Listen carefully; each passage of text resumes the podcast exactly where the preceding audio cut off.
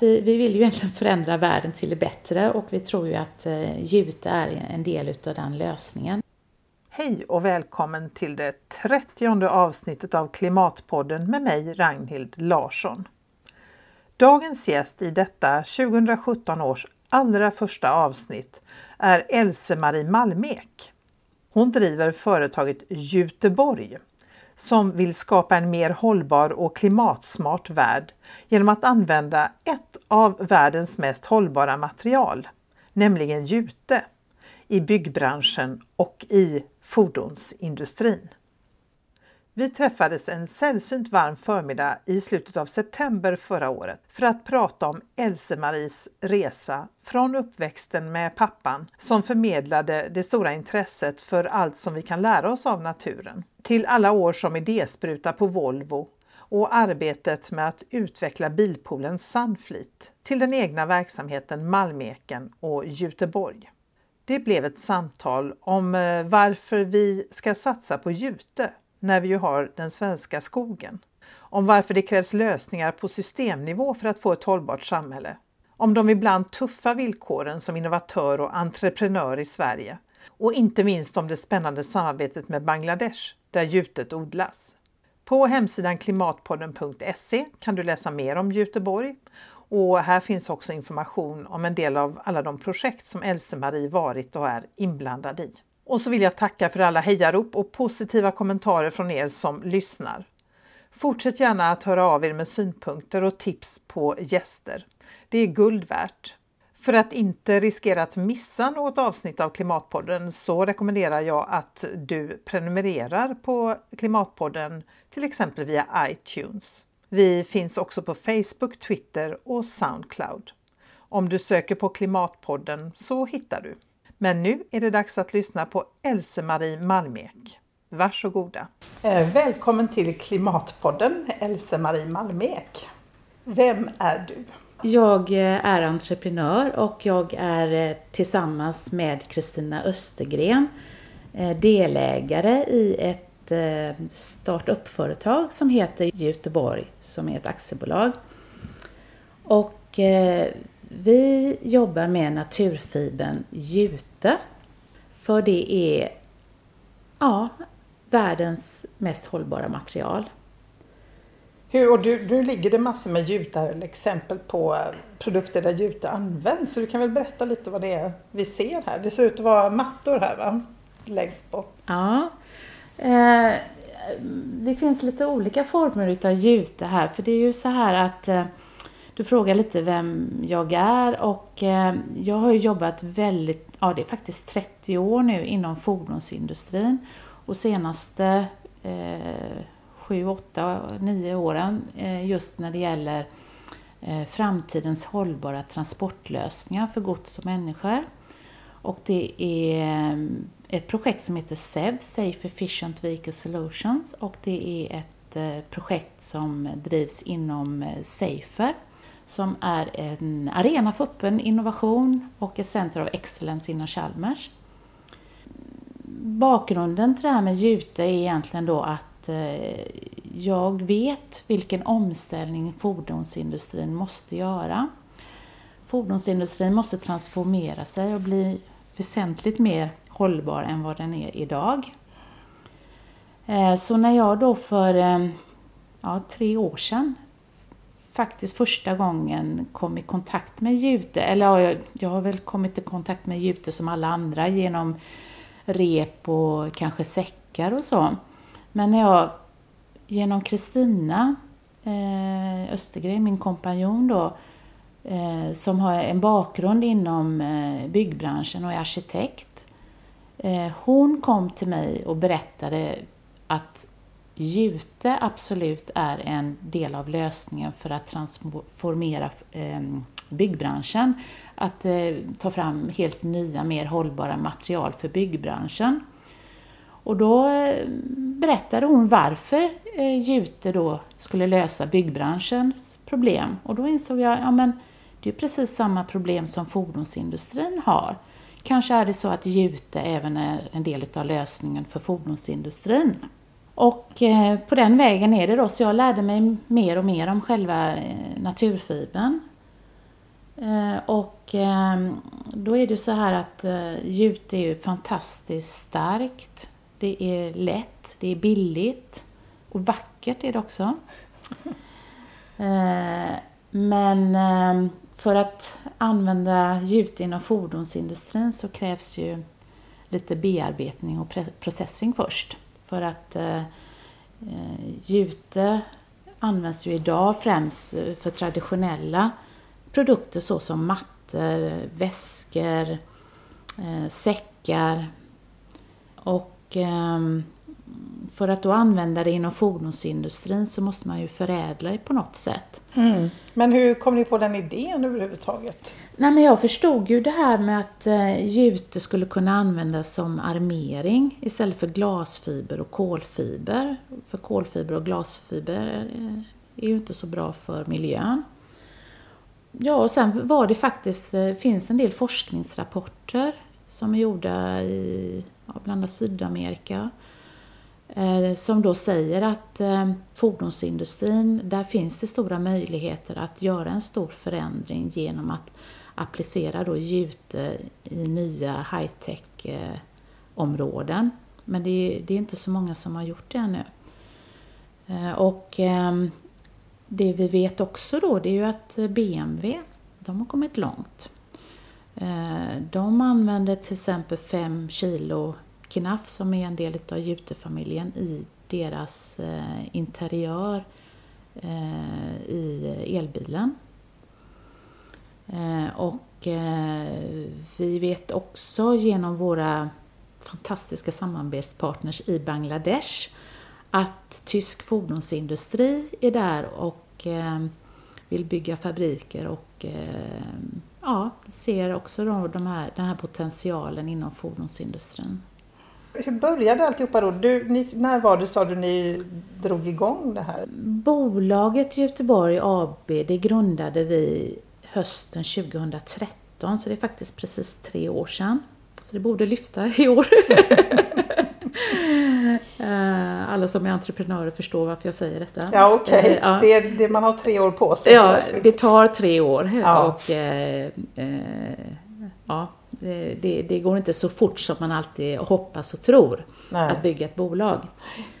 Det är en lång väg och mycket, mycket arbete bakom.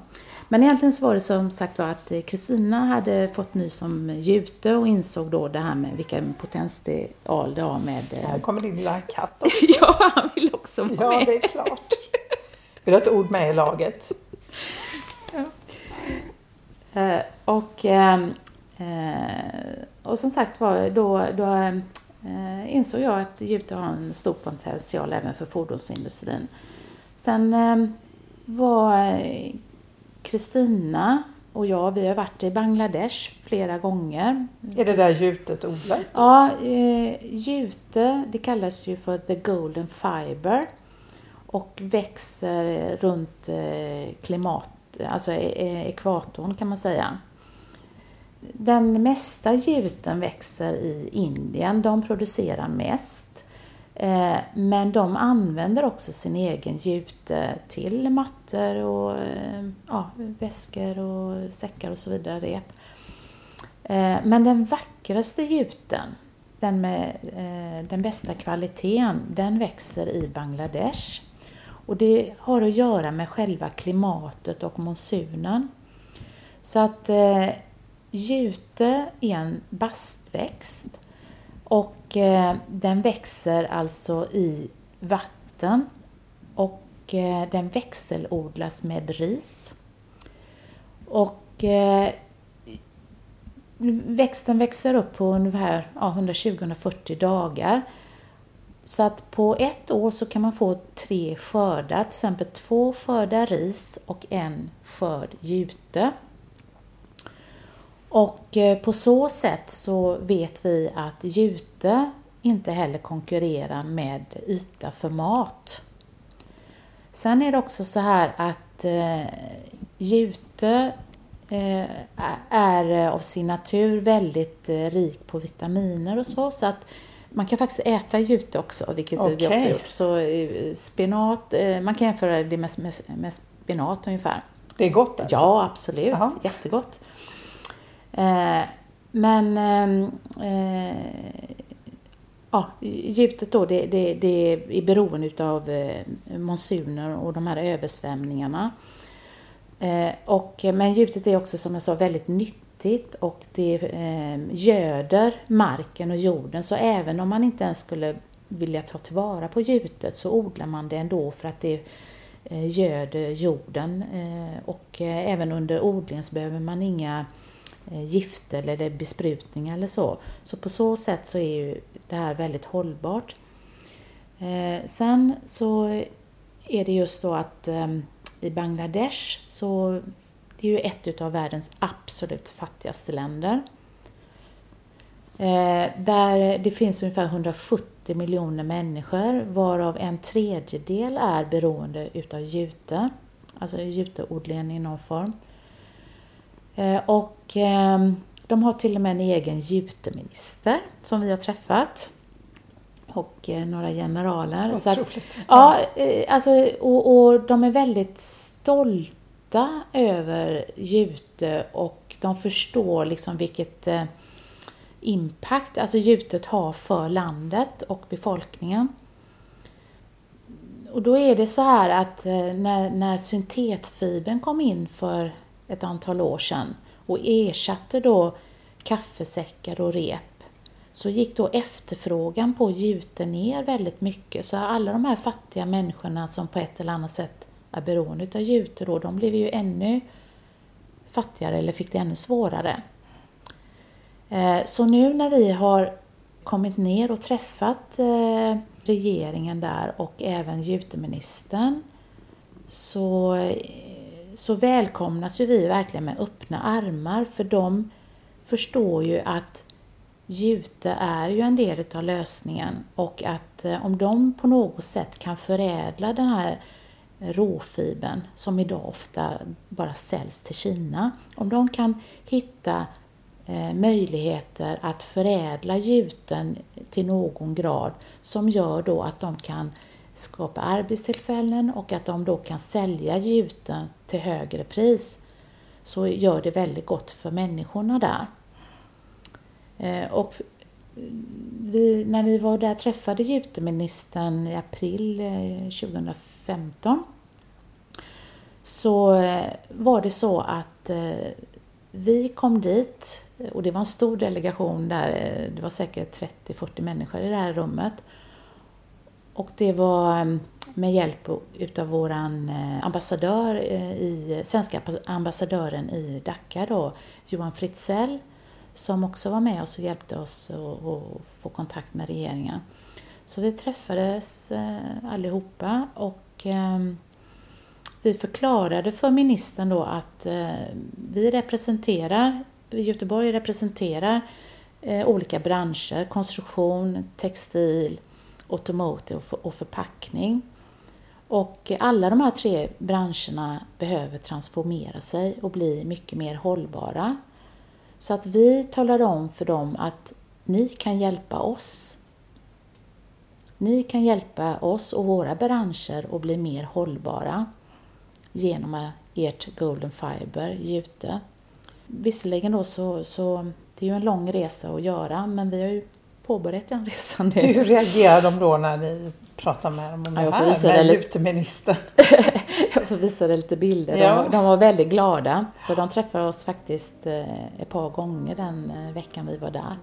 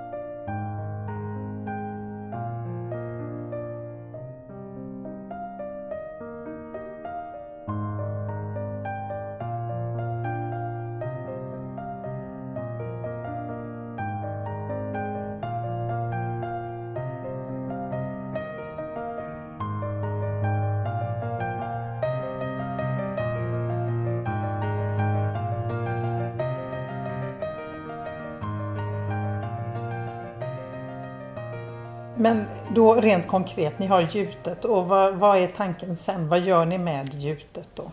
Det har ju flera applikationer då, mm. har jag förstått. Eh, ja, då är det så här att eh, det är ju inte lätt att bygga bolag, inte ens i Sverige. Och eh, vi jobbar ju då både på kort och lång sikt. Eh, så på kort sikt nu så eh, har vi börjat sälja de här traditionella produkterna som du ser framför dig här på bordet, mattorna. Mm. Och de är ju fantastiskt vackra. Ja, verkligen. Så att, eh, det och de tillverkas i Bangladesh, Bangladesh ja. också? Ja. Då är ju tanken att vi kan tillföra svensk, skandinavisk design för att sen då tillverka de här i Bangladesh. Så Göteborg blir en slags bro mellan väst och Bangladesh. Så att vi vill lyfta Jute till, till, till premium kan man säga, med skandinavisk design men med naturfibern jute. Och just de här färdiga produkterna som du ser framför dig, eh, de är tillverkade i Saudpur en av våra samarbetspartner har en fantastisk eh, fabrik, tre timmars flyg från eh, norr om Dhaka. Och jag måste berätta nu när vi var där och besökte fabriken i eh, april så fick vi ett helt fantastiskt mottagande. På vår resa till Saupur så hade vi med oss vår juteambassadör som är Magnus Rosén. Och han är före detta basist i Hammerfall. Okay. Och eh, för då är det så här, för att lyfta eh, gjutet till premium så måste vi göra någonting annorlunda. Och eh, därför har vi vår slogan här, Youth Rocks. Så att vi eh, jobbar eh, intersektionellt kan man säga. Så att Kristina Östergren eh, grundade för några år sedan eh, Intersection Point som just främjar korskopplingar mellan olika branscher för att öka innovationskraften. Och i eh, egenskap av eh, grundare där så har hon samlat på sig ett antal aktörer eh, i den här innovationsplattformen, varav en är då Magnus Rosén. Och sen sa Kristina att Magnus, han måste med i Göteborg. Och det visade sig vara ett fantastiskt lyckokast där vi då eh, korsar, eh, eller egentligen Industry meets, meets eh, Culture. Så att eh, när vi då eh, kom till Sao Pur, jag hade med oss Magnus och Magnus hade lovat att spela för arbetarna. Och jag vet inte om du känner till hur Magnus ser ut, men han har ju eh, midjelångt hår och eh, massa guldarmband och eh, ja, läderkläder och allting. Så att eh, det var ju väldigt, väldigt stor kontrast jämfört med hur man ser ut där. Ja, och även jag och Kristina är ju väldigt exotiska ska du veta. Eh, jag med mitt blonda hår och ljushyad då. Hur som helst, vi kommer dit och eh, då har våran samarbetspartner Tawid på hand, Classical hand, Handmades Products. Han har då förberett all personal så att de står ut med väggarna längs hela fabriksbyggnaden, kanske 100 meter. Och där står kvinnorna i alla de här fantastiskt vackra saris i olika färger. Och så kommer vi då och blir liksom mottagna, eh, får gå igenom eh, de här leden med alla de här kvinnorna. I, ja.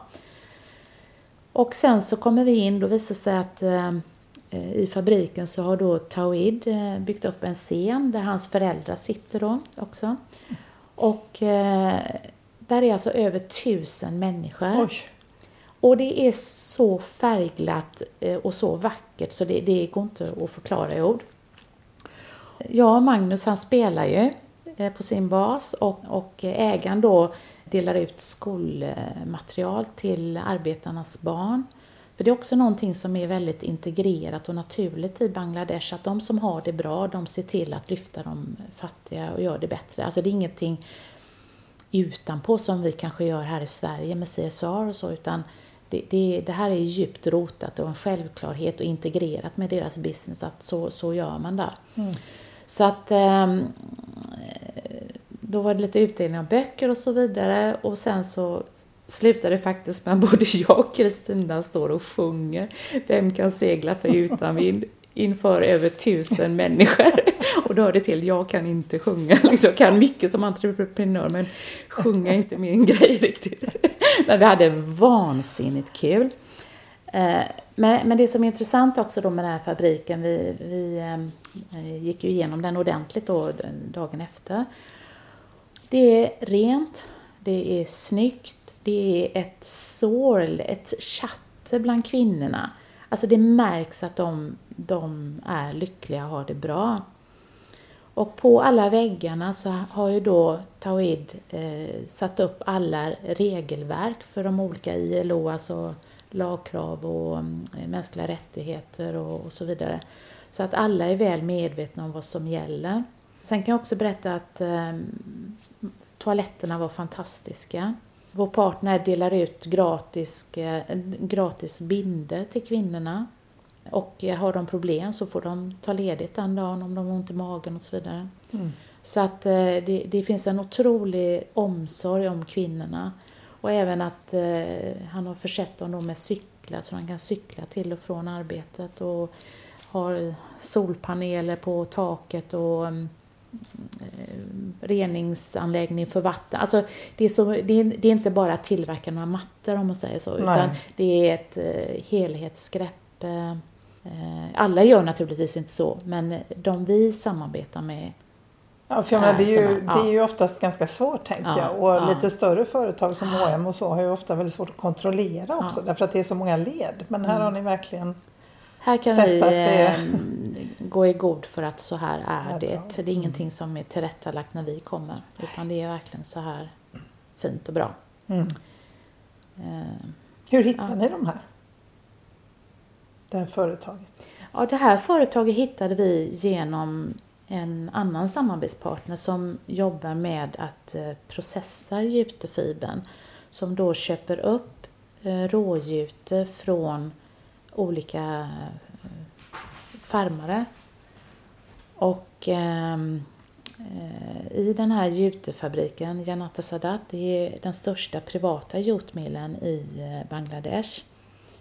De eh, förädlar då jute till olika, de klipper och de eh, eh gör olika filtar. Eh, så att när vi då för ett år sedan träffade eh, forskarna, eller Bangladesh Youth Research Institute, eh, så tog han med sig den här eh, Tawid från Classical Handmade Products och tyckte att det här var en rätt person. Så att det, det handlar om människor. Det handlar om människor som vill något och som tror på någonting och som vill någonting tillsammans. Jag måste säga det här med kulturen, alltså det finns ingenting som skiljer oss åt. Den här entreprenören Tawid, ja, det är möjligen språket och hudfärgen som, som skiljer oss åt men, men annars så tänker vi väldigt lika och vill väldigt eh, mycket och funkar jättebra tillsammans. Och jag vill också passa på att säga att vi har också sedan i, eh, ja, tidigare i år så har vi fått en ny medarbetare i Göteborg som heter Abir Hossein Mm, jag såg det på hemsidan. Mm. Ja, han studerar ju i eh, Jönköpings universitet men gör nu sin internship och eh, master för Göteborg. Och han är då född och rotad egentligen i Bangladesh mm. men är då här med sin fru eh, Laila. Och eh, det är ju ett riktigt lyckoskott för oss måste jag säga för det ger oss sån styrka. Alltså dels Eh, nu när vi var i Bangladesh i april så underlättade det ju väsentligt. Det är klart, med språk och Ja, ja, ja visst. Ja. Och kulturen och... Eh, men också ger oss cred att vi faktiskt gör, bygger den här bron mellan eh, Bangladesh och Sverige. Eh, för tanken är ju att vi vill ju bygga Göteborg som ett svenskt bolag här och tjäna pengar. Men samtidigt så vill vi ju göra det på ett sätt som då naturligtvis gagnar Bangladesh, som gör att de får det bättre. Så att eh, Abir är ju en väldig tillgång för oss att just kunna agera den här bryggan mellan öst och väst.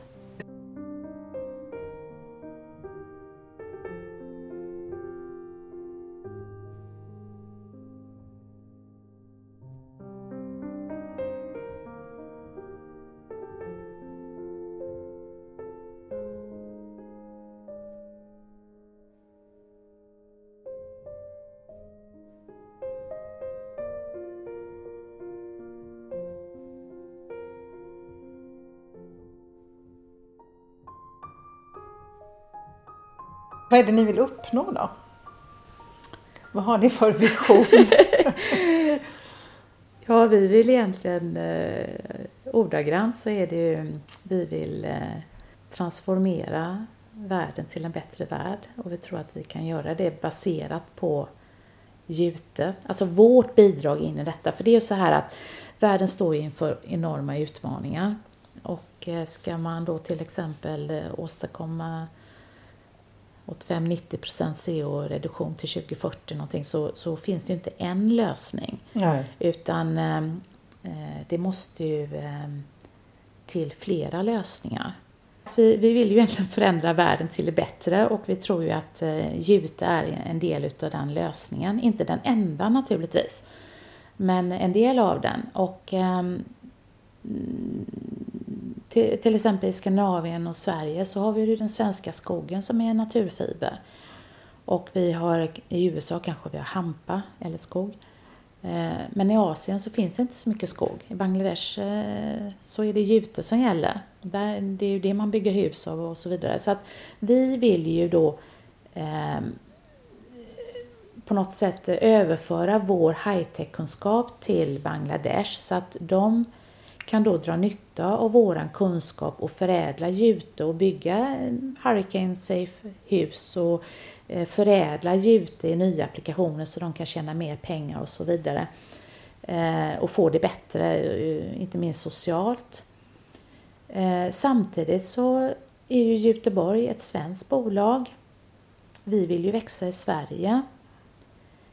Och vi vill utveckla framtidens nya kompositer för att eh, använda då inom bland annat automotive och konstruktion. Och vi ser ju också att det finns många synergier mellan automotive och konstruktion. Eh, det kan vara olika byggmaterial, eh, täckpaneler, bänkar, det kan vara kaross, karosser eller inredning, möbler, inredning i bilar, paneler i bilar, paneler i hus och så vidare. Så att det finns mycket synergier däremellan. Sen så är det så här att det är inte helt lätt att bygga ett sånt här bolag. Nej, hur är det att vara entreprenör i Sverige idag? Ja, man kan ju tro att det finns så mycket forskningsmedel och så vidare. Men eh, eh, vi har haft väldigt svårt att slå igenom där. Dels är det själva, om man tar det eh, generellt, så, så är jag lite kritisk till själva innovationssystemet i sig. För att som entreprenör så ser du ju massa möjligheter. Du eh, får massa idéer. Men då ska helt plötsligt de här idéerna och våra möjligheter som vi ser, då ska det anpassas till eh, till exempel då Vinnovas eh, kalender eller till eh, utlysningar. Mm. Så att vi måste hela tiden knåda våra idéer och tankar vad vi vill göra så att det passar Vinnova eller de här konsultcheckarna eller vad det nu kan vara. Och då blir det ju inte riktigt hundra. Så på något sätt så känns det som om vi aldrig passar in 100% någonstans för att få tillgång till de här forskningsmedlen. Nej, men då är det så att då, då ska vi anpassa vår ansökan till att dels passa in ett ämnesområde som, som passar in just i den utlysningen och, och, och också då att vi får in det till klockan två en tisdag eller vad det nu är. Och är det då att det dröjer ett år till nästa utlysning så måste vi vänta ett helt år. Och det är ju liksom jätte jättelång tid för en entreprenör att vänta ett år. Verkligen. Så att ehm, eh, det skulle ju vara mycket, mycket bättre om vi, plus att vi måste vara experter på att ansöka, att skriva de här ansökningarna. Så att på något sätt så skulle man ju önska att man hade något ställe, typ Eh, Vinnova eller eh, mer lokalt också då, att man talar om vad det är man vill göra och att de eh, forskningspengarna på något sätt anpassar sig efter vad entreprenörerna vill och ser för idéer och möjligheter. Eh, så, så att vi, vi känner att vi ofta förlorar mycket tid, eh, kan förlora ett år eller drygt ett år om vi missar liksom klockan två en tisdag. Då. Sen så ska jag säga också att vi har gagnats utav ehm, innovationssystemet också. För vi fick ju förra året eh, eh, beviljat en ansökan. Vilket gjorde att vi kunde starta upp eh, Youthlight. Det är en, eh, ett forskningsprojekt inom Lightweight Arena Eh, och det är mm, delvis finansierat då utav Vinnova och Formas och Energimyndigheten. Och där fick vi då tack vare Sverige Sicom och med hjälp av Högskolan Borås.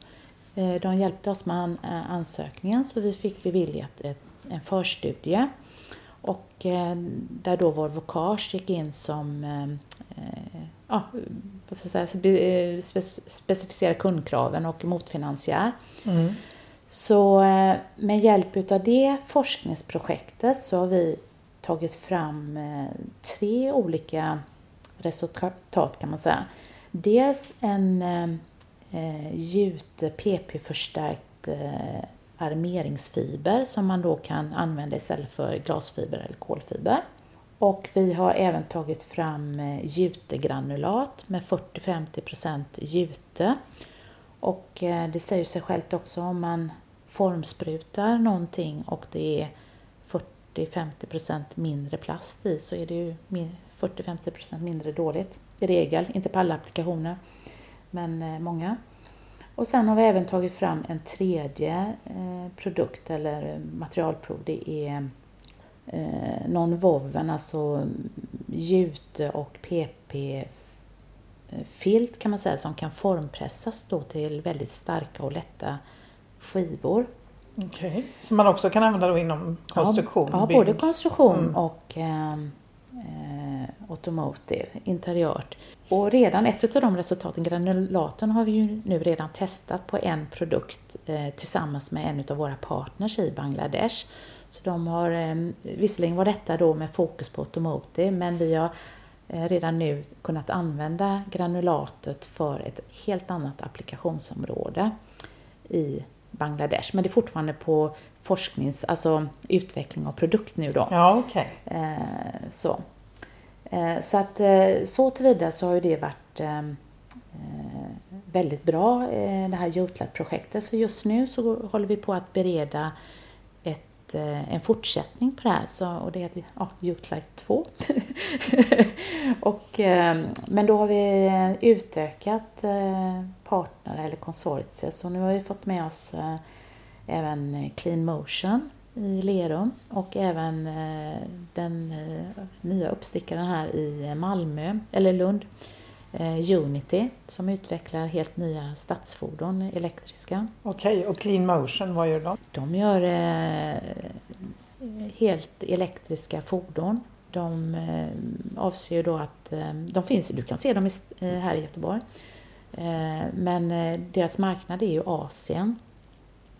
Så att de har även viss eh, tillverkning då i Asien och då är ju tanken att kan man då eh, dels eh, eh använda gjut interiört eh, för att få en vad ska jag säga, behagligare känsla så att det inte blir så plastigt. Eh, eh, kan man då känna att det är lite mysigare och att det är vackert med naturmaterial inne i fordonen så tilltalar nog det kunderna lite mer. Samtidigt som vi ser, och även de då ser, möjligheter att kunna använda någon form av gjutarmering även för eh, ja, karosser eller karossdelar då. Eh, så att, eh, och sen i det här Jutlight 2 nu så har vi även med oss Treolit Eh, det är eh, en gammal genuin svensk firma som jobbar med skogen men också ser möjlighet att kunna exportera deras teknik för att bygga lätta och hurricanesäkra eh, hus i Bangladesh men av jute då istället för svensk skog. Men exportera liksom tekniken. Så samma kunskap ja, samma kunskap, samma teknik. Ja. Byggblock, som, byggblock som är otroligt hållbara och lätta då. Mm. Sen har vi också med oss um, autokaross som har påbyggnader på fordon. Och där ser man också då behovet av att ha lättare och starkare eh, material. Eh, och sen även eh, en kajakfirma, Melkers kajaker. Oj! Ja, eh, så de är ju då intresserade av att kunna göra eh, kanoter som är lätta och starka. Så att de har redan gjort en del experiment med andra naturfiber men eh, ja, efterlyser just nu faktiskt Jute. Så, Spännande. ja, så att det, finns eh, synergier mellan olika branscher här. Som är, vi har ju samma problem. Alltså vi, vi vill kanske inte jobba med glasfiber i eh, olika fabriker och eh, kan man då ersätta glasfiber med lätta och hållbara material som dessutom är degradable. Det finns ju lagkrav från EU att eh, fordon måste kunna vara komposterbara i princip. Och då är ju Där är vi inte bra. riktigt ännu. Nej, men, Men- jute är ju en Mm. del av den lösningen också då. Mm. Alltså hur mycket används jute idag? Att det finns i mattor och, och korgar och, och väskor och sånt där. Men alltså i de här andra applikationerna då? Är det liksom någon annan, har ni konkurrenter helt enkelt? Andra som håller på med samma sak eller? Ja, det är väl, vad ska jag säga, eh, det finns ju en del andra som jobbar med hampa då. Eh, men det ans- alltså, vissa applikationer, där kommer hampa vara bättre än jute och vice versa. Eh, men om man ser det rent hållbarhetsmässigt så är det faktiskt så att jute äter ju 20 gånger mer eh, kilo CO2-ekvivalenter jämfört med eh, hampa eller sisal eller svensk skog. Så att, och tar man då med den här sociala aspekten då med människors näring så är jute definitivt mer hållbart. Sen om man ser tysk fordonsindustri verkar ju ha kommit längre än jämförbart med andra här. Eh, Så det, det får vi reda på bakvägen genom våra partners i Bangladesh som då berättar vilka forskare och så de träffat och, och vilket tryck de får från an- andra hållet då. Ja, ja. Eh, Så så är det. Sen så ska man... eh, Alltså, Bangladesh är ju egentligen en vit fläck för fordonsindustrin. Det finns, eh, finns ju liksom ingen high-tech så. Men samtidigt är det så här att vi har även samarbete med eh, Atomic Research, eh, ja, något forskningsinstitut som jobbar då med flygindustrin faktiskt i eh, USA. Så att det finns ju enskilda forskare som har rört sig ute i världen som är otroligt välutbildade och som kan eh, otroligt mycket om jute, både dess för och nackdelar inom både flyg och automotive. Och som har gjort massa olika prover. Så att det är väl mer det här industrialiseringen och få till det. Mm, det. Eh, och där kommer ju då Göteborg in. Mm. Spännande. Ja, det kan jag säga. Det är spännande och vi har fruktansvärt roligt. Vad är det som driver dig att hålla på? För det är ju mycket jobb också eh, som du är inne Ja, på. gubevars. Ja, vi jobbar eh, faktiskt dygnet runt. Eh, Så är det ju.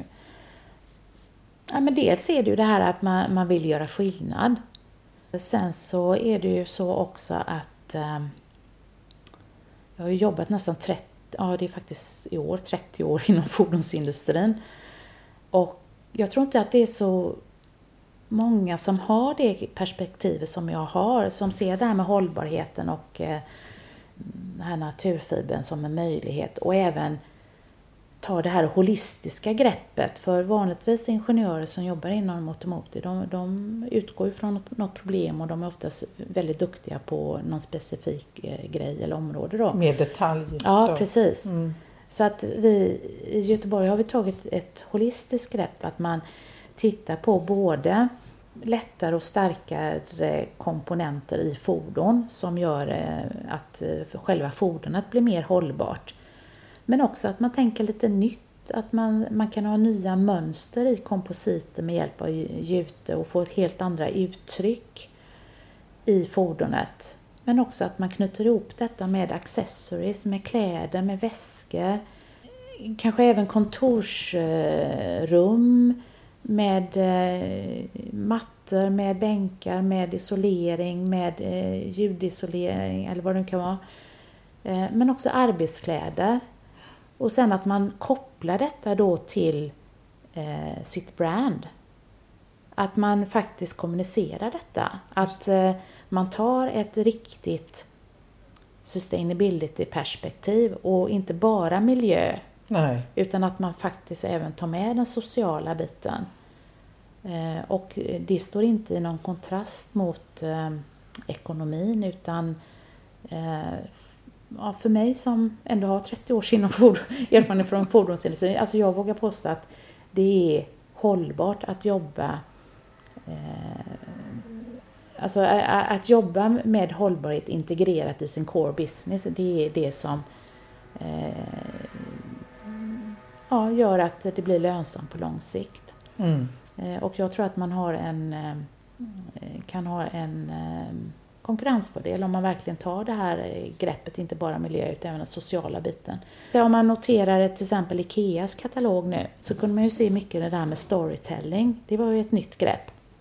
Så att om man får in det här med Istället för att kanske bara skriva någonting i hållbarhetsrapporterna att man har gjort någonting gott för världen då. Mm. Eh, men att man istället verkligen integrerar det i sin core business, det här med hållbarhet och även då sociala biten. Och sen att man bygger storyn kring detta och berättar om den här storyn. Så att man på så sätt stärker varumärket. Så att vi... Eh, det är nog jätteviktigt. Ja, så att eh, själva så kommer vi nu att eh, eh visa på de här kvinnorna i fabriken som vi har besökt. Vi kommer plocka ut en efter en. Ta fram bilder, berätta storyn eh, bakom och sen kunna härleda då, då till de här olika produkterna som vi säljer. Och visa på det, okej, okay, eh, om vi säljer x antal mattor till här nu enligt den, den här modellen så vet vi att eh, de här kvinnorna kommer att ha arbete och ha det gott mm. ett par år till och kan då försörja sin familj som består av detta och detta och detta. Eh, så att man eh, verkligen kan spåra hela värdekedjan och bygga storyn kring mm. detta så att det inte bara är eh, någonting man gör vid sidan om eller utanpå för att man ska. Nej, just det. Och att det också, som du säger, kommunicerar det. För det räcker ja. ju inte riktigt med en rad i en årsredovisning. Nej. Det blir ju helt anonymt. Nej. Och det finns ju hjärnforskning nu som visar att vi påverkas mer av berättelser än vi gör av bara fakta, enbart fakta. Alltså ja, det... och sen är det i och för sig när, när jag drog igång mitt eh, vanliga bolag Malmeken AB 2006. Det var ju med Sustainable Business Development. Eh, och eh, sen dess har det ju hänt en hel del med hållbarhetsarbetet och inte minst då när det gäller eh, de här hållbarhetsredovisningarna som många bolag eh, jobbar med då med GRI, Global Reporting Initiative då.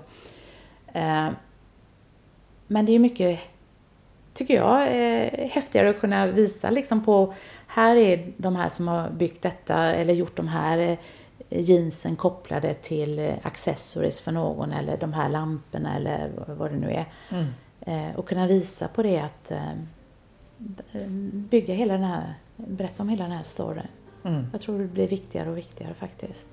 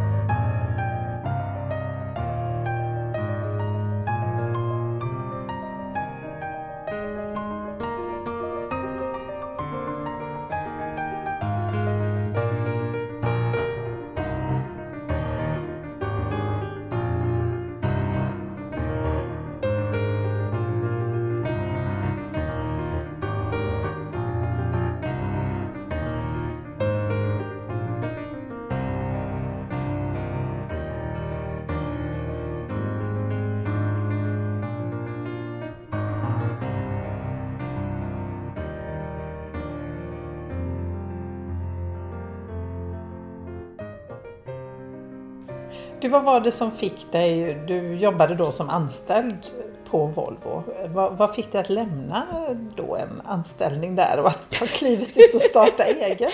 Nej, men jag ska säga, jag, jag jobbade 15 år på Volvo Cars eh, fram till eh, 99 var det ja, eller 2000. Och egentligen så var det så här att eh, Eh, Eh, jag har alltid varit entreprenör och alltid för, fått förmånen att jobba som entreprenör på Volvo Cars. Det är aldrig någon som har talat om för mig vad jag ska in, göra eller inte göra. Och på den tiden då så ja, det fanns alltid utrymme för folk med idéer och kreativitet eh, och fick göra vad de ja, det fanns resurser och vilja att eh, liksom, låta hästarna springa. Ja, mm. absolut. Så 96 så blev jag anställd som så kallad IS IT-D-spruta på mm eh, IT-staben. Ja, det var innan det här fina ordet Innovation Manager fanns då. Och eh, då var det så här att min eh, första uppgift det var att eh, eller för att bli varm i kläderna var det väl egentligen att jag, jag blev involverad i utvecklingen av den nya S80 och eh, fick jobba med elkonstruktion och ehm, då eh, lärde ingenjörerna mig att det, den nya bilen, då elsystemet där, det, alltså det som var mekanik med fönsterhissar och så vidare, det blev elektronik och mjukvara. Så jag förstod ju snart att eh, den kommande bilen kommer att se ut som vilket kontorslandskap som helst. Sen så i samma veva så kom ju IBM med sin Network Computer och då eh, sa de att man kan inte springa omkring i kontorslandskapen och uppgradera varje arbetsstation. Det tar ju alldeles för mycket tid samtidigt som alla användare vill ha full kapacitet och kraft och tillgång till alla sina applikationer. Så då lanserade de någonting som de kallar för Network Computer, NC-maskin. Och eftersom jag jobbade då på staben så fick jag en sån maskin att leka med. Så en kväll då i januari 1996 så hade jag jobbat i det här projektet för att jag skulle säkerställa att man kunde skicka programvara worldwide och kunna uppgradera eh, den nya S8 som skulle komma då. Eh, samtidigt som jag då hade lekt lite med datorn. Så på kvällen när jag kom hem så insåg jag att det är så det kommer bli framöver att bilens egenskaper och funktionalitet kommer ligga på nätet och följa med kunden och inte med bilen. Mm. Så att jag sov inget den natten utan eh, på morgonen så drog jag in eh, Volvo Cars CIO i ett konferensrum, Magnus Kinell, och så ritade jag en trekant på tavlan så skrev jag The Network, The Customer and the Car. Och så menar jag då på att kunde man då erbjuda eller anpassa produkten efter kundens behov just då så kunde man få en hävstång för bättre miljö eh, och öka socialt ansvarstagande och så vidare. Så han sa du får fria händer, du får göra vad du vill. Eh, vill du komma tillbaka, eller behöver du pengar, kom tillbaka. så då gick jag till konstruktion och så fick jag en eh, ny bil utav killarna där. Eh, och sen så eh, behövde jag någon som kunde bygga om eh, eh, i-brädan eller instrumentbrädan så fick jag det. Det var Malin Henriksson på ergonomi och sen så behövde jag någon som kunde programmera så fick jag det. Det var Ivan Liljegren. Så då tänkte jag, vad ska man ha detta till? Så då Eh, Eh, byggde vi en eh, konceptbil kring eh, business case car sharing och remote diagnostics där man då kunde uppgradera eller anpassa funktionaliteten på bilen utefter kundens behov och vad de ja, är villiga att betala då. Och på så sätt skulle man ju kunna då eh, se till att kunderna inte använder alltid den största bilen för alla ändamål. Utan eh, behöver man åka till fjällen så kan man ha en stor tung bil Faktum var att jag blev eh, inkallad av en av toppmanager på eh, Volvo och han hade hört talas om den här bilen, konceptbilen då. Så att eh, han ville se på den. Ja, så jag förklarade han fick se bilen då, jag visade den och jag förklarade då det här med carsharing och man kanske inte behöver äga sin bil, men vill ändå åka säkert och miljövänligt och ny teknik och så vidare. Och så efter en timme då så, så Eh, vände han sig och tittade på mig och så sa han, men det förstår du väl Else-Marie att hellre delar jag min hustru med andra än min bil och det gäller nog för de flesta av oss. Men, men faktum är att han sa det med glimten i ögat, måste jag säga, och han hade faktiskt rätt. Så att eh, det är ju en, alltså bara för att det går och hitta nya affärsmodeller och så vidare så, så är det inte säkert att det är lönsamt utan det är ju inte hållbart förrän man har med sig ekonomin också. Nej. Så det, det, den biten måste man ha respekt för att ha med sig. Det, det, och det är därför vi också i Göteborg jobba med social business och eh, tillsammans med Jonas eh, som då är Nobelpristagare 2006 eh, med de här mikrolånen och Gramin. Det. Och det är ju för att det måste bygga på affärsmässiga grunder.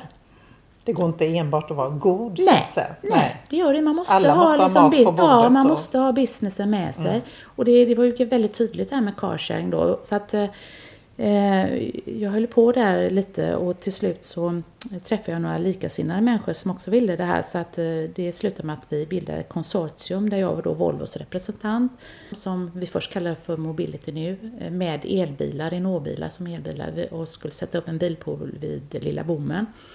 Men sen så var det tydligen så att eh, Mercedes ägde det eh, varumärket så vi fick okay. ändras och sen blev det då Sunfleet. Så Jaha, att, eh, det blev Sunfleet alltså? Ja, och sen mm. var det faktiskt så här att jag då, du ställde frågan här varför jag lämnade Volvo och jag har alltid trivts väldigt, väldigt gott på Volvo och varit väldigt roligt, otroligt lärorikt.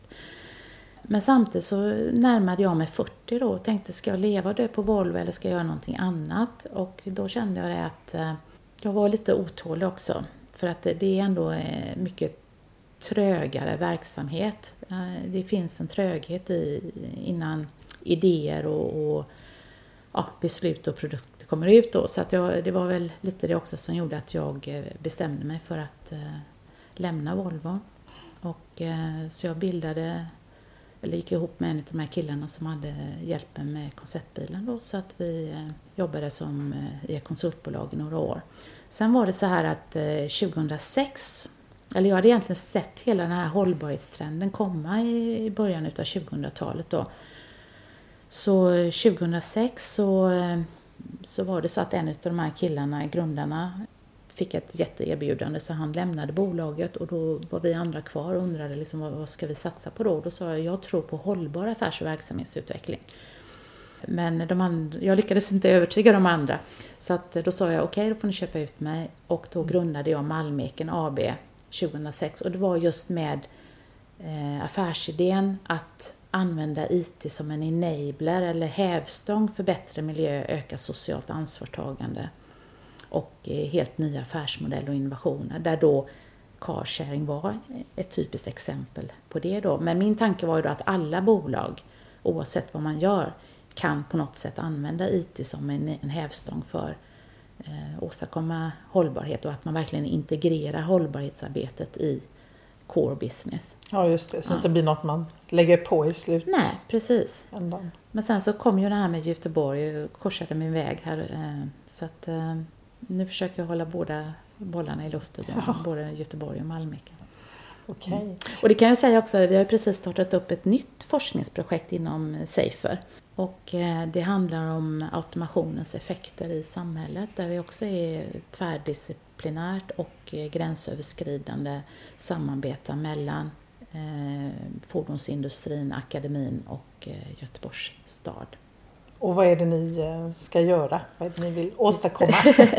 vi vill se då förstå mer automationens effekter, det här med autonomous drive och så vidare. Ja, Självkörande bilar. Eh, vad har det för effekter på samhället och, och, hur mäter man de här effekterna så att man kan bidra till de nationella transportpolitiska målen. Då. Eh, så att jag är ju ganska van att jobba så här gränsöverskridande i multidisciplinära team och det är ju sånt vi jobbar i Göteborg också där vi korsbefruktar konstruktion, textil, förpackning och automotive för att eh, hitta synergierna då mellan olika branscher för att få en hävstång för innovation. Ja, varför är det så viktigt att jobba så där tvär? Om du tar det, det jag berättade 96, då för 20 år sedan, där var det min IT-kunskap som korsades med bilen, alltså automotive.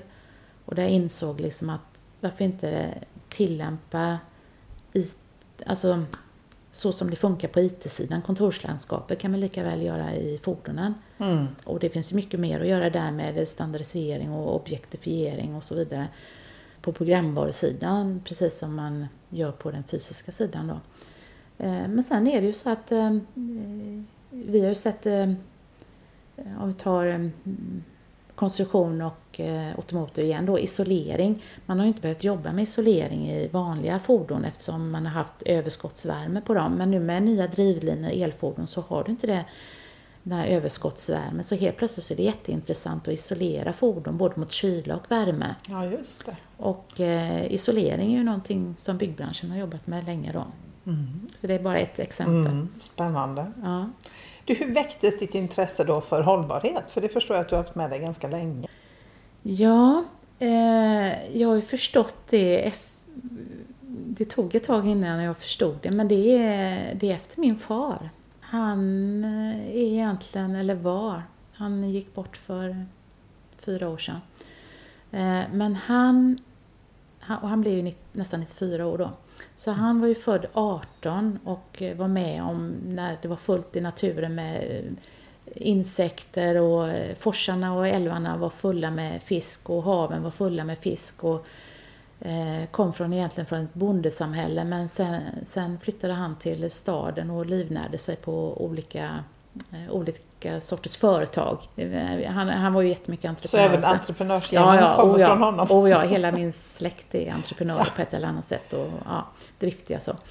Eh, Så den biten kom där. Men, men sen så har han alltid eh, brytt sig om vad, vad vi stoppar i oss. Att han har odlat jättemycket själv då. Allt från ja, potatis, eh, vin, eh, persikor, gurkor, eller som you name it, allt. Eh, och även fiskat jättemycket. Så jag är ju uppvuxen på eh, hummer och eh, hälleflundra höll på att säga. Det låter helt okej. Det är helt okej. Torskrygg. Ja. Eh, och han gjorde sin, odlade sin egen spenat och ja, allt. Så det, eh, och han har ju, alltså som ung så har jag hela tiden hört det här att ja, det är så konstigt, det finns inga insekter i, i, i luften och sådär. Och när jag var barn så var det fullt med insekter, det surrade överallt och sådär. Och, och, och det, det man tänker på då det är ju att eh, en, ett människoliv är ju väldigt kort. Mm. Så att eh, de, eh, vad ska jag säga, det tog väl pappa kanske 60 år innan han märkte skillnaden på att alla insekterna dog eller att all lax försvann från viskan och ätran. För när han, när han var barn så kunde de bara liksom plocka upp eh, lax och det var hur mycket som helst då. Så att, eh, och, och det är väl så man tänker själv här att eh, nu är jag 55 och så tänker jag då vad bär jag med mig i mitt perspekt- perspektiv liksom? Och vad är det jag lär mig under mina få år här på jorden? Och det gäller ju liksom att ha, ett öppet sinne och faktiskt leta efter förändringar och idag behöver man ju faktiskt inte leta efter så stora förändringar kanske. Dels så tror jag man ska titta mycket på naturen eh, och, och se liksom vad man kan lära sig av naturen och även i, använda naturen som en förebild i eh, eh det man gör. Och eh, det, det lärde jag mig jättemycket på Universium. Eh, och inte minst då genom Anna Nilsson Ele. Så när Universium byggdes upp så var ju Anna Nilsson Ele eh, VD där. Och där var ju hela alltet att jobba utifrån ett hållbarhetsperspektiv och använda eh, naturen som en förebild då.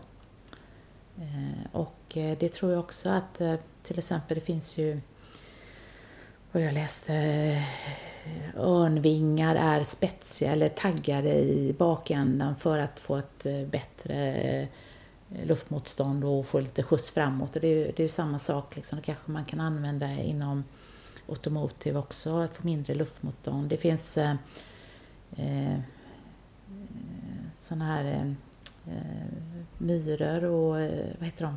Eh, ja, men det finns ju de här eh, myrorna som bygger hus med självdrag. Va? Som gör att man då inte... Det blir väldigt eh, bra temperatur inne i de här husen. Och det är samma sak i Saudi. Där har de byggt hus då med samma teknik eh, med naturen som förebild. Så, så man då inte behöver hetta upp eller kyla.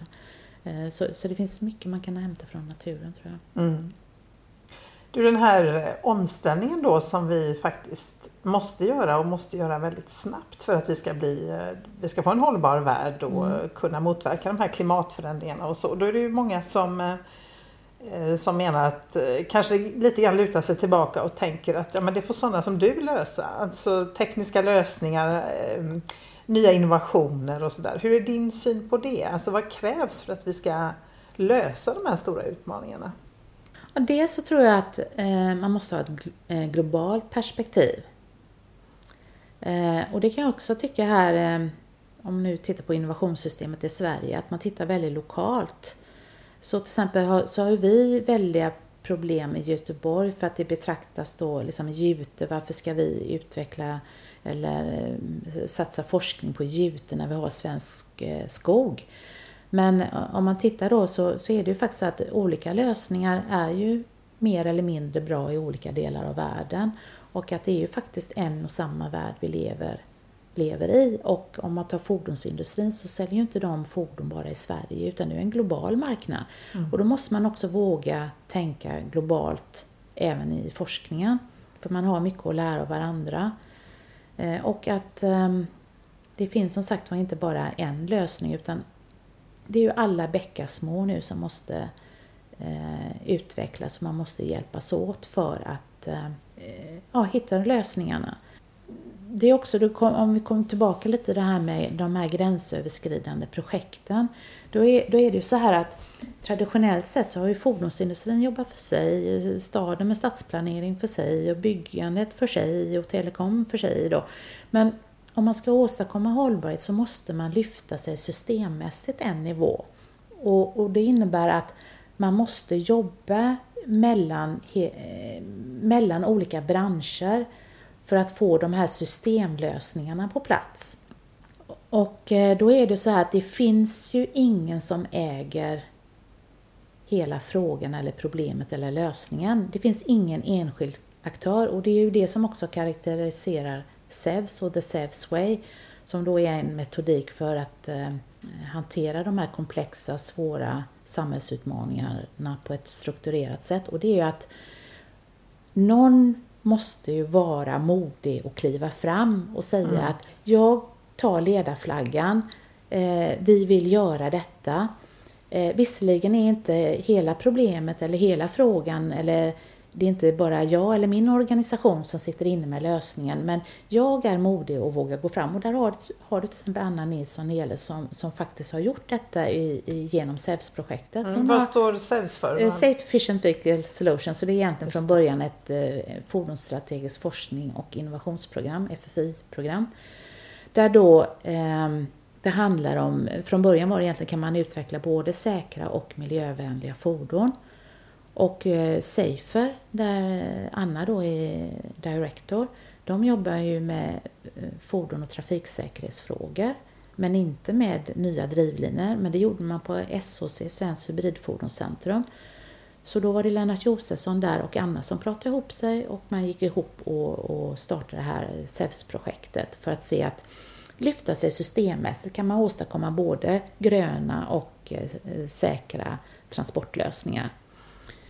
Sen har det gett ringar på vattnet då, men det är ju så här att de svåra utmaningarna, de svåra frågorna, de löser ingen enskild part utan då måste man hjälpas åt och då måste var och en bidra med sin lilla bit. Så Göteborg, vi bidrar med Jute som en del av lösningen. Sen finns det andra som bidrar med hampa och några med svensk skog kanske. Mm. Eh, men, men då måste man eh, dels eh, mm, hitta plattformar för att jobba så här gränsöverskridande. Och sen är det inte så himla lätt heller kan jag säga. Jag som projektledare och processledare, jag vet att det är mycket svårare att jobba i sådana här gränsöverskridande projekt jämfört med eh, om man bara jobbar internt Volvo eller internt eh, eh, något byggföretag, vad det nu skulle vara. Mm. Vad är det som är de stora utmaningarna? I arbetssättet menar Ja, jag menar när man jobbar så här gränsöverskridande. Nej, men det är ju att eh, eh, jobbar du internt Volvo, nu refererar jag ut till Volvo eftersom jag har min ja, bakgrund där ja, då, men, men det är ju så med, med de stora bolagen, där finns ju allting på, på plats. Liksom. Ja. Man har ju eh, alla, alltså man kommer åt alla dokument, man har standarder för hur man do, dokumenterar, man har mallar för allting, man har koncernspråk, man har en kultur, man har gemensam eh, organisation. Eh, man, kommer ju åt alla människor på ett helt annat sätt. Du har ett samma system, du kan, du, du kan se, ja, har helt annan överblick. Men jobbar man gränsöverskridande så eh, kan man egentligen bara jobba nästan med morötterna. Mm. I det här SEVS-projektet till exempel då så Eh, man har ju inte den här eh, hierarkiska eh, strukturen att förlita sig på eller man har inte de här beslutsfora på plats utan man får, man får se till att det är ett, vilket är också väldigt spännande och lärorikt att jobba så här gränsöverskridande. Men samtidigt att man bygger upp en trygghet som gör då att folk vågar eh, säga saker och säga som det är för, och, och vara ärliga. För, för ehm, traditionellt sett så kan det vara svårt och farligt eh, att eh, kanske berätta för mycket då när man inte är med sina eh, arbetskamrater internt då. Men samtidigt så ska vi åstadkomma lösningar på så de här systemfrågorna så måste vi öppna upp oss och vi måste jobba gränsöverskridande och våga säga som det är. Mm. Och även blotta ens svagheter ja, och be om hjälp, be om lösningar. Ehm, och sen kan ju ta ett roligt exempel också som egentligen eh, karaktäriserar eh, hela sånt här arbete. Det är ju att eh, i slutdokumentationen så pratar vi om hur ska vi dokumentera det vi har kommit fram till. Och då säger fordonsindustrin att ja men vi ja, fyra, fem powerpoints och gärna bilder och är det någon text så ska det vara på engelska. Och, och sen kanske någon annan organisation säger att som inte då har engelska som eh, modersmål eh, utan kanske mer eh, ja, städerna eller vad det kan vara säger då att eh, nej, vi, vi behöver ett Word-dokument, ja, 15 sidor kanske och gärna en och annan bild och definitivt inte på engelska utan svenska. Och sen kommer forskarna och säger att oj, oj, oj, nej, nej, vi, vi måste ha, beskriva, få med detta och detta och detta. Så det, det blir åtminstone 70-80 sidor på engelska och inga bilder och bara massa referenser. Då. Så att, och, och, och, man kan skratta åt detta, men det är egentligen någonting som genomsyrar hela projekten, var, vilken sten man än liksom vänder på, så, så finns det åtminstone tre, fyra olika perspektiv på allting. Och då måste man hitta liksom sätt ja, hitta någon plattform där man ändå kan mötas och komma överens om eh, för att ta sig framåt då. Men mm. jag måste säga det att Alltså jag, jag, bara älskar att vara projektledare för SEVS för det är, det är så fantastiska människor och det är så lärorikt och så roligt och eh, det har aldrig liksom varit några eh, konfrontation utan alla vill verkligen Man har något gemensamt ja. mål också kanske? Nej, men det är det som är lite lustigt, att man faktiskt kanske inte har. Eh, eh, det pratas ju mycket om det, att man måste ha ett gemensamt mål. Och det är klart att på en viss nivå kan man ju ha det, att alla ska vara rika och friska och ja, ha det bra och vara lyckliga då. Eh, men, men, men börjar man då komma ner lite och konkretisera sig så är det ju väldigt svårt att ha kanske ett gemensamt mål mellan, låt säga, Autoliv eller Volvo Cars och eh, Göteborgs stad eller eh, Chalmers. Alltså, man har ju olika... Så olika verklighet. Man har olika eh, business helt mm. enkelt mm. och då har man ju mål för det. Men bara att man träffas och att man tar med sig sin pusselbit och visar upp hur, hur ens eget pussel är och, och få dela den här förståelsen om de större utmaningarna och förstå hur de andra tänker och resonerar och vad de har att förhålla sig till så öppnas det upp en helt annan möjlighet att faktiskt hitta gemensamma lösningar. Man kanske inte måste vara överens om allting eller hur man ska göra det men att man ändå jobbar mot ja, att det ska bli att vi ska få en bättre hälsa och vara lyckligare och bättre miljö eller luft att andas och ytor att leka och kul på och så. Mm. Ehm, men ändå tjäna pengar och att det inte är fult. Du, känner du dig eh, hoppfull inför framtiden? Tror du att vi lyckas liksom ställa om då med alla våra små absolut. enskilda bidrag? Ja, absolut. Jag tvekar inte en sekund på det. Fast eh, som entreprenör så tycker man att det går lite långsamt. Man önskar att det skulle gå lite fortare. Men samtidigt har jag respekt för att eh, saker tar tid och eh, människors eh, mentalitet och eh, vanor och så, det ändrar man inte på hur fort som helst. Så, så det krävs ju att nya generationer kommer upp eller kommer fram och eh, ändrar då kanske beteende och så. Mm. Just beteendeförändringar tycker jag är Ja, väl det svåraste. Ja, absolut. absolut. Hur ser din vision ut då av ett, brukar ställa den här frågan till alla, hur ser din vision ut av ett hållbart samhälle då? Eller en hållbar värld. Men... Ja, Brundtland har ju det här att man får inte för, för, förbruka mer resurser än vad... Eh, alltså ens generation får inte förbruka kommande generationens eh, resurser då. Så att eh, det, det, det måste ju gälla på, på rad ett att man inte lämnar ifrån sig en sämre värld än, till ens barn än vad man kom in i på något sätt. Sen så eh, hade jag väl önskat, alltså det finns ju olika plan på det här vision, det finns ju vision för Göteborg och, och för vad vi vill göra och vi vill ju verkligen lyckas med vårt entreprenörskap och bygga ett företag som är lönsamt och kan generera anställning för folk och ha en dräglig miljö här och att eh, vi ska kunna eh, införa nya material eh, och avancerade material inom fordonsindustrin och bygg då. Eh, samtidigt som vi inte som vi måste ha det här globala perspektivet att vi gärna samtidigt som vi gör detta då gör nytta någon annan del i världen så att eh, när man träffat de här kvinnorna ja, det vore ju fantastiskt om man visste att nästa gång man åkte ner och, och träffade dem att kunde se då att de har fått det ännu bättre och eh, fått gå ännu fler år i skolan och så vidare.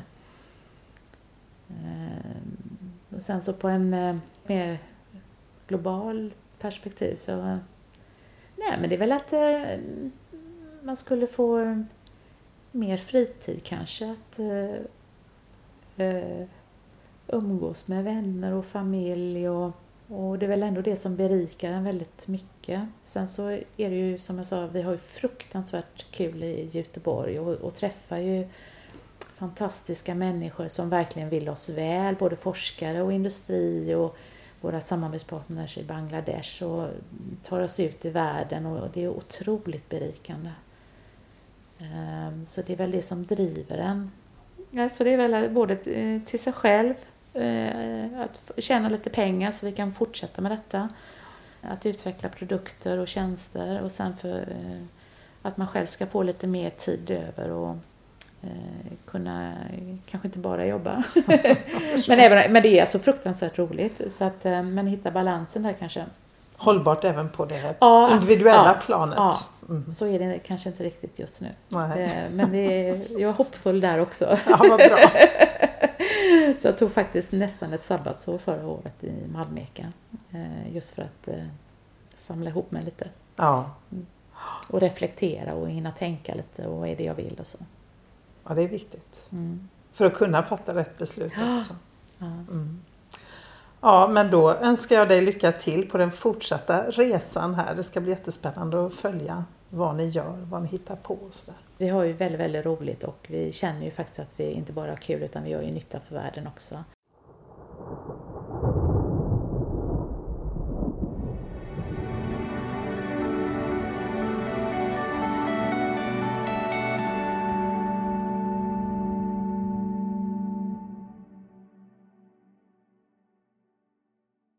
Du har lyssnat på Klimatpodden som produceras av Konvoj Produktion.